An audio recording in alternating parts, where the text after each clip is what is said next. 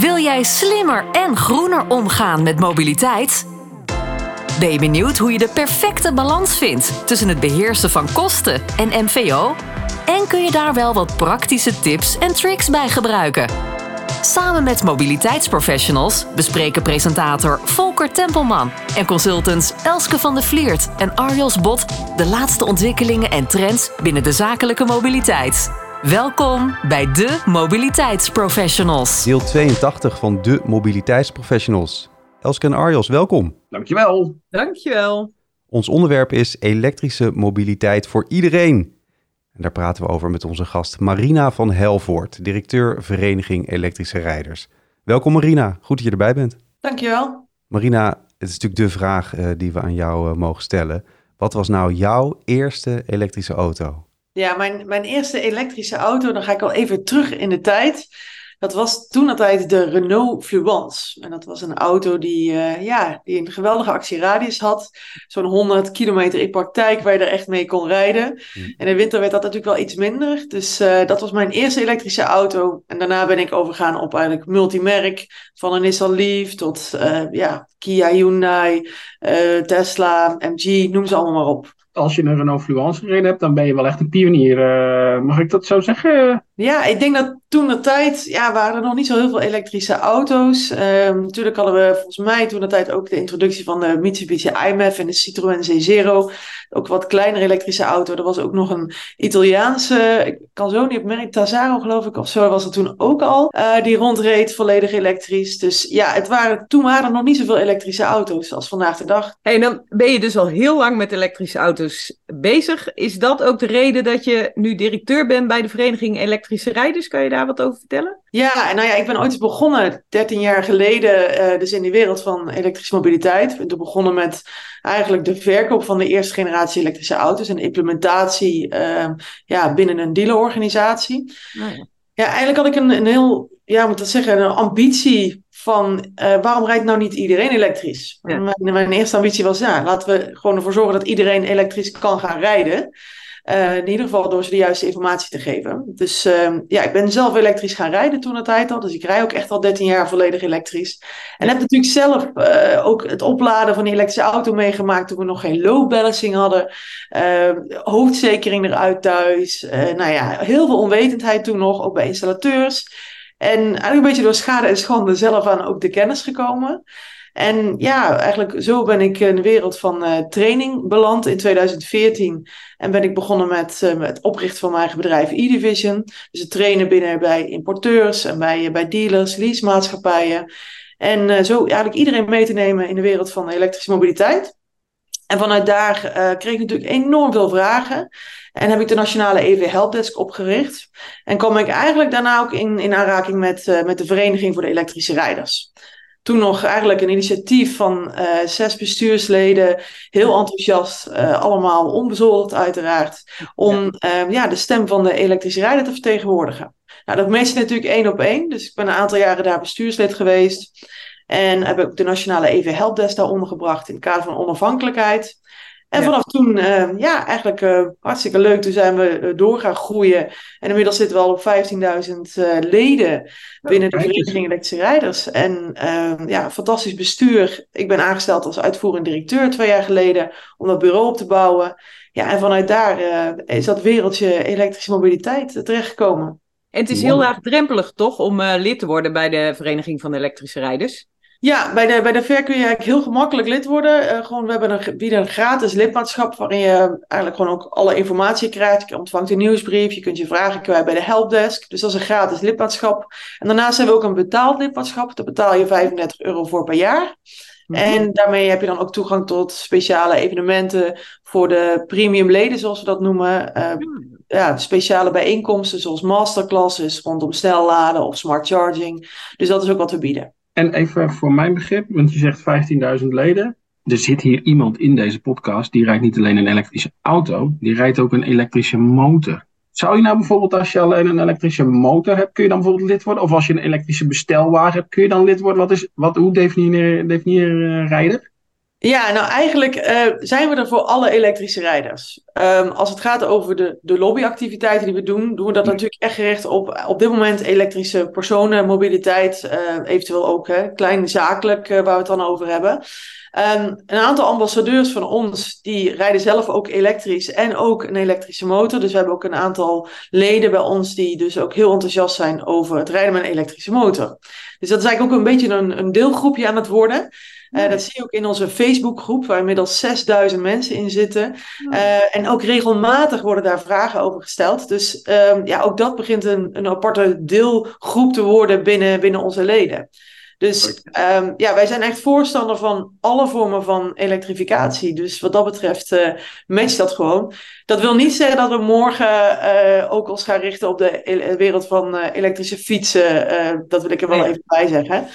Maar we zien gewoon dat het nu steeds breder gaat worden. Luister naar de mobiliteitsprofessionals. En hoor van mobiliteitsprofessionals de laatste ontwikkelingen en trends binnen de zakelijke mobiliteit. Wat zijn de belangrijkste uitdagingen eigenlijk die jullie horen? Dan wel in die Facebookgroep, dan wel in uh, enquêtes die jullie doen? Ja, kijk, als het gaat over die elektrische mobiliteit, wat je nu ziet, is dat er enorm veel wildgroei aan informatie is. Dus ah, ja. uh, ik denk wel het grootste issue nu, en zeker met internet, is dat je een hele hoop informatie op het internet kan terugvinden. Alleen het is het, last, het meest lastige om de juiste informatie terug te vinden. Dus hoe vind je nou de juiste onafhankelijke informatie op het gebied van elektrische mobiliteit? En of dat nu gaat over feiten en, en, en fabels die er te ronde gaan, hè? Of, ja. of het grondstof is, of het hele discussie over duurzaamheid. Um, dat, dat is een lastige. Nou, daar hebben we eigenlijk een feiten- en fabelsboekje voor ge gemaakt. Die kan je gewoon bij ons op de website gewoon gratis downloaden.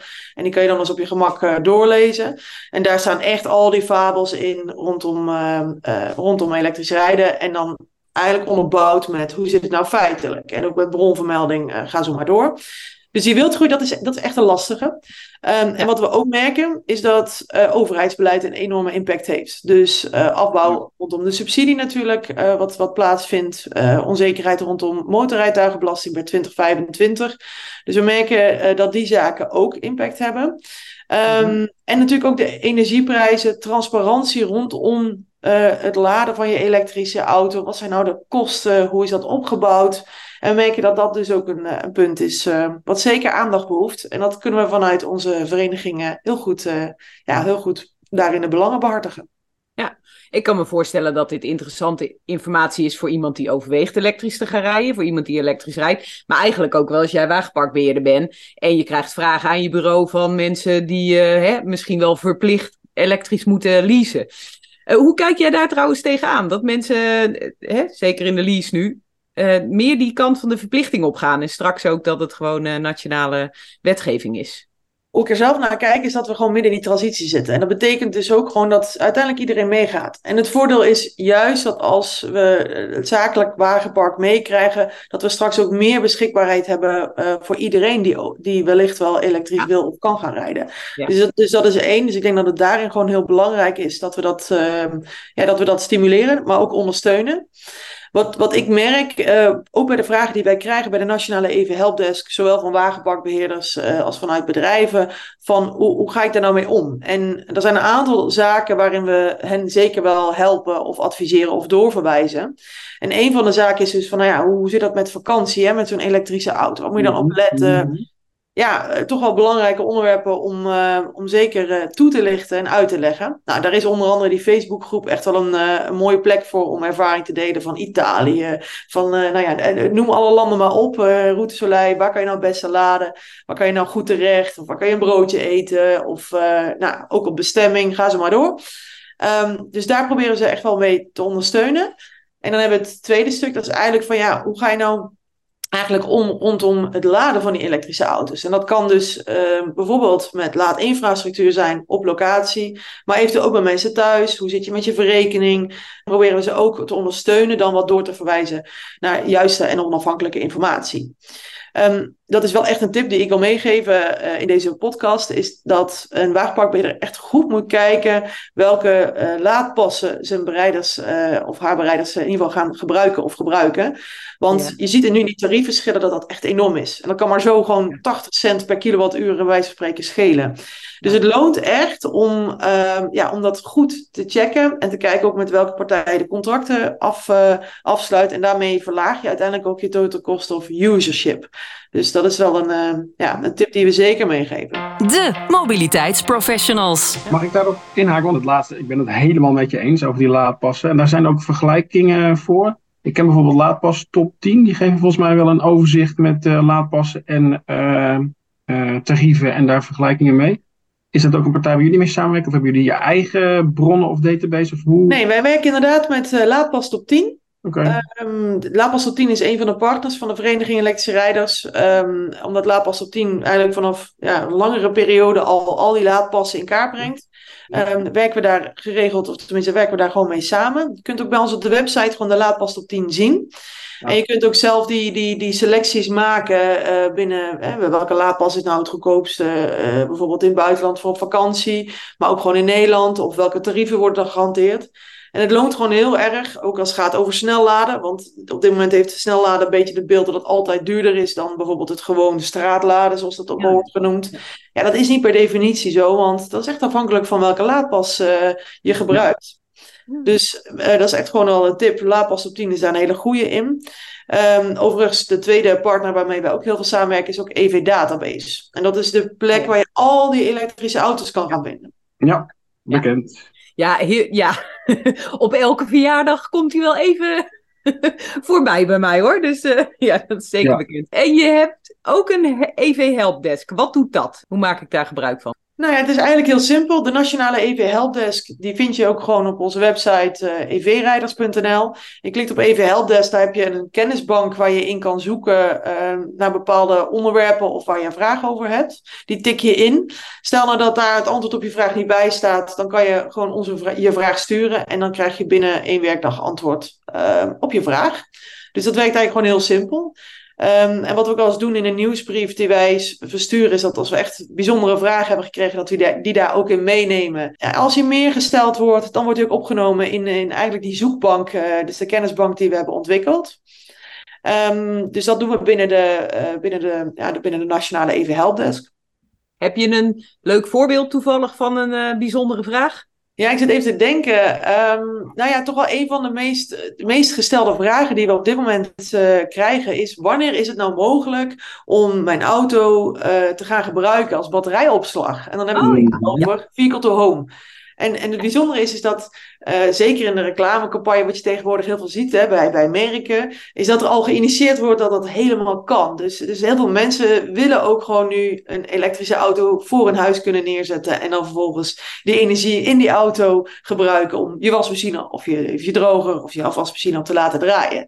Ja, dat, is natuurlijk, dat zou fantastisch zijn, uh, maar er zijn nog wel wat uitdagingen als we het hebben over uh, het vehicle-to-home uh, principe. Ja. Dat wil dus ook zeggen dat ja, als, we, als we daar naartoe gaan, dat er nog echt wel een aantal zaken uh, toch wel duidelijk uitgezocht moeten gaan worden. Regel en wetgeving. Uh, ik kan je vertellen dat er wel een team bij de Belastingdienst hier natuurlijk ook wel op zit. Om goed uit te zoeken uh, wat gebeurt als je nou bij je werkgever gaat laden en dan thuis ja. komt. En dan volgens je huis erop laat draaien.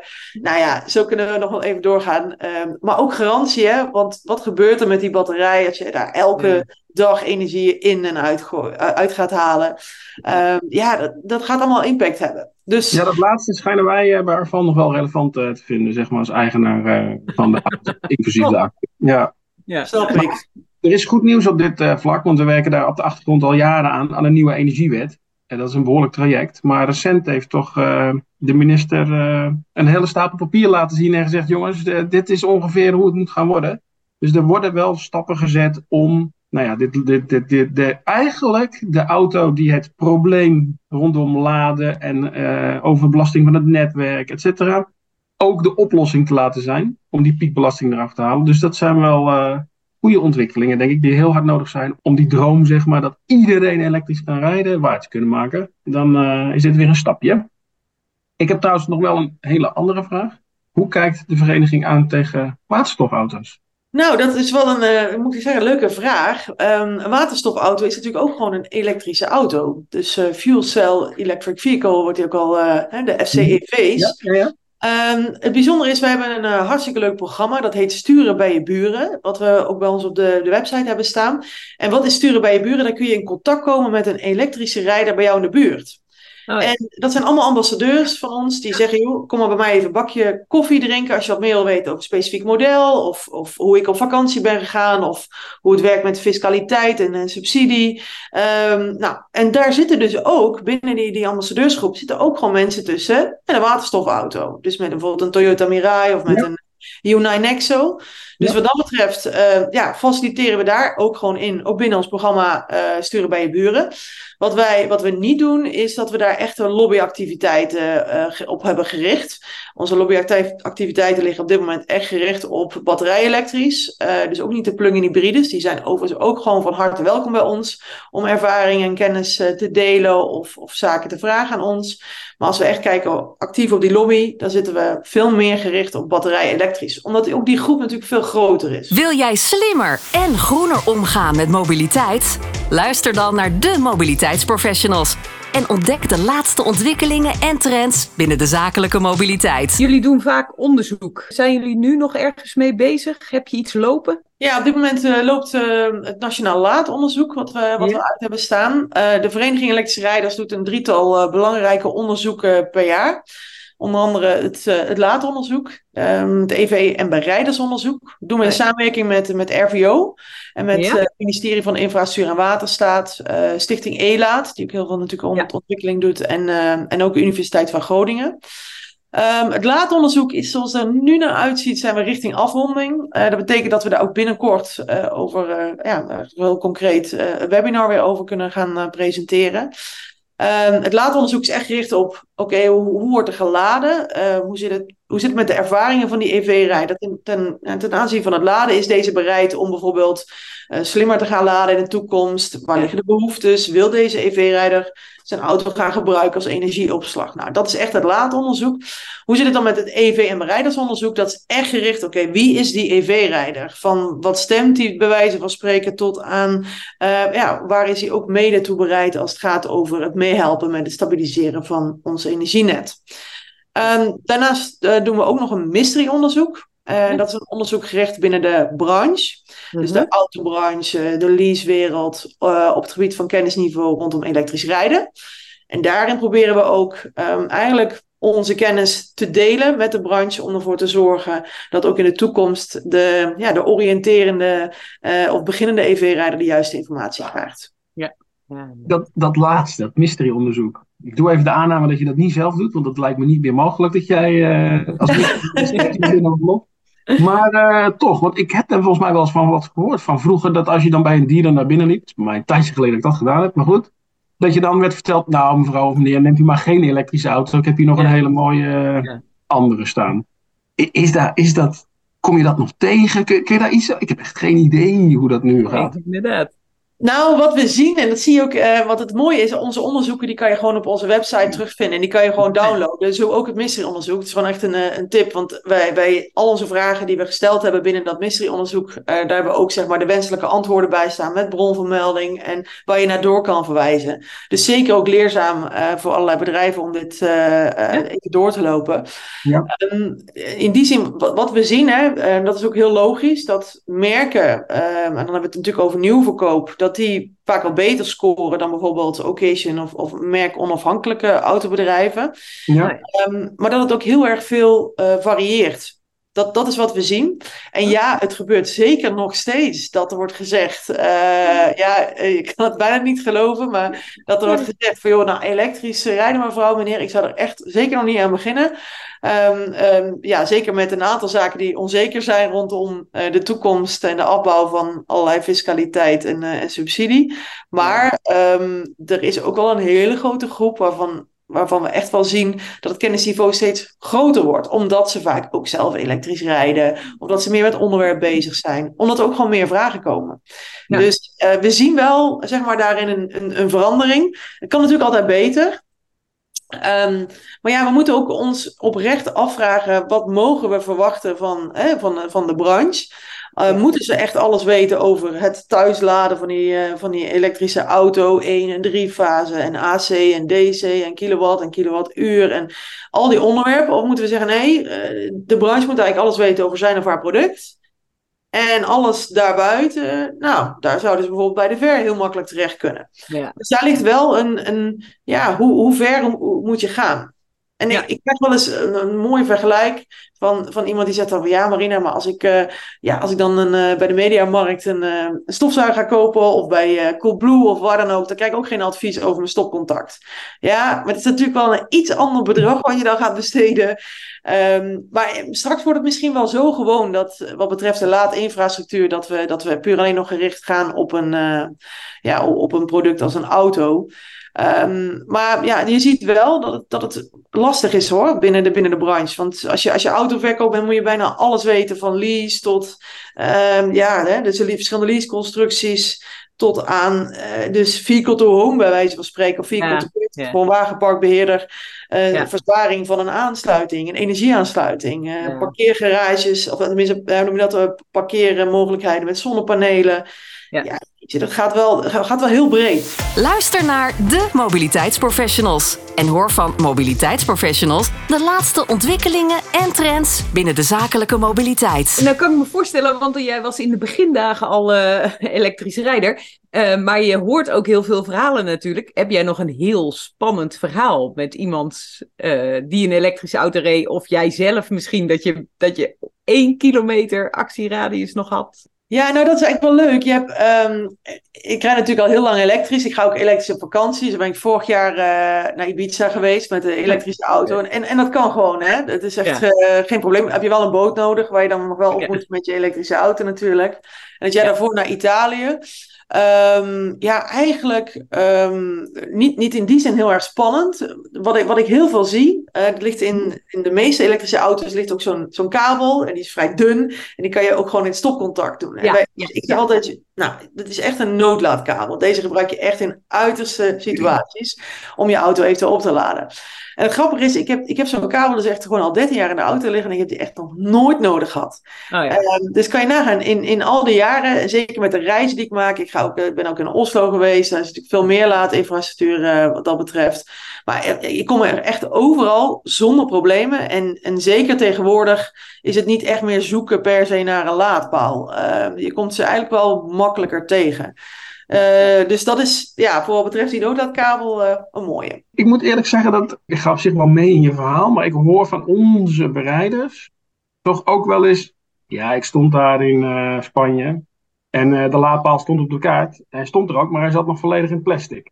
Of ik stond daar bij dat laadpunt en ja, hij zou het moeten doen, maar welk pasje ik er ook tegenaan hield, hij ging het echt niet doen. Ik wil niet zeggen dat het allemaal niet gaat, zeker niet, want ik rij ook overal gewoon heen. Maar je komt af en toe wel voor een uitdaging te staan, eh, mogelijk. En dat, dat blijft toch een dingetje voor mensen.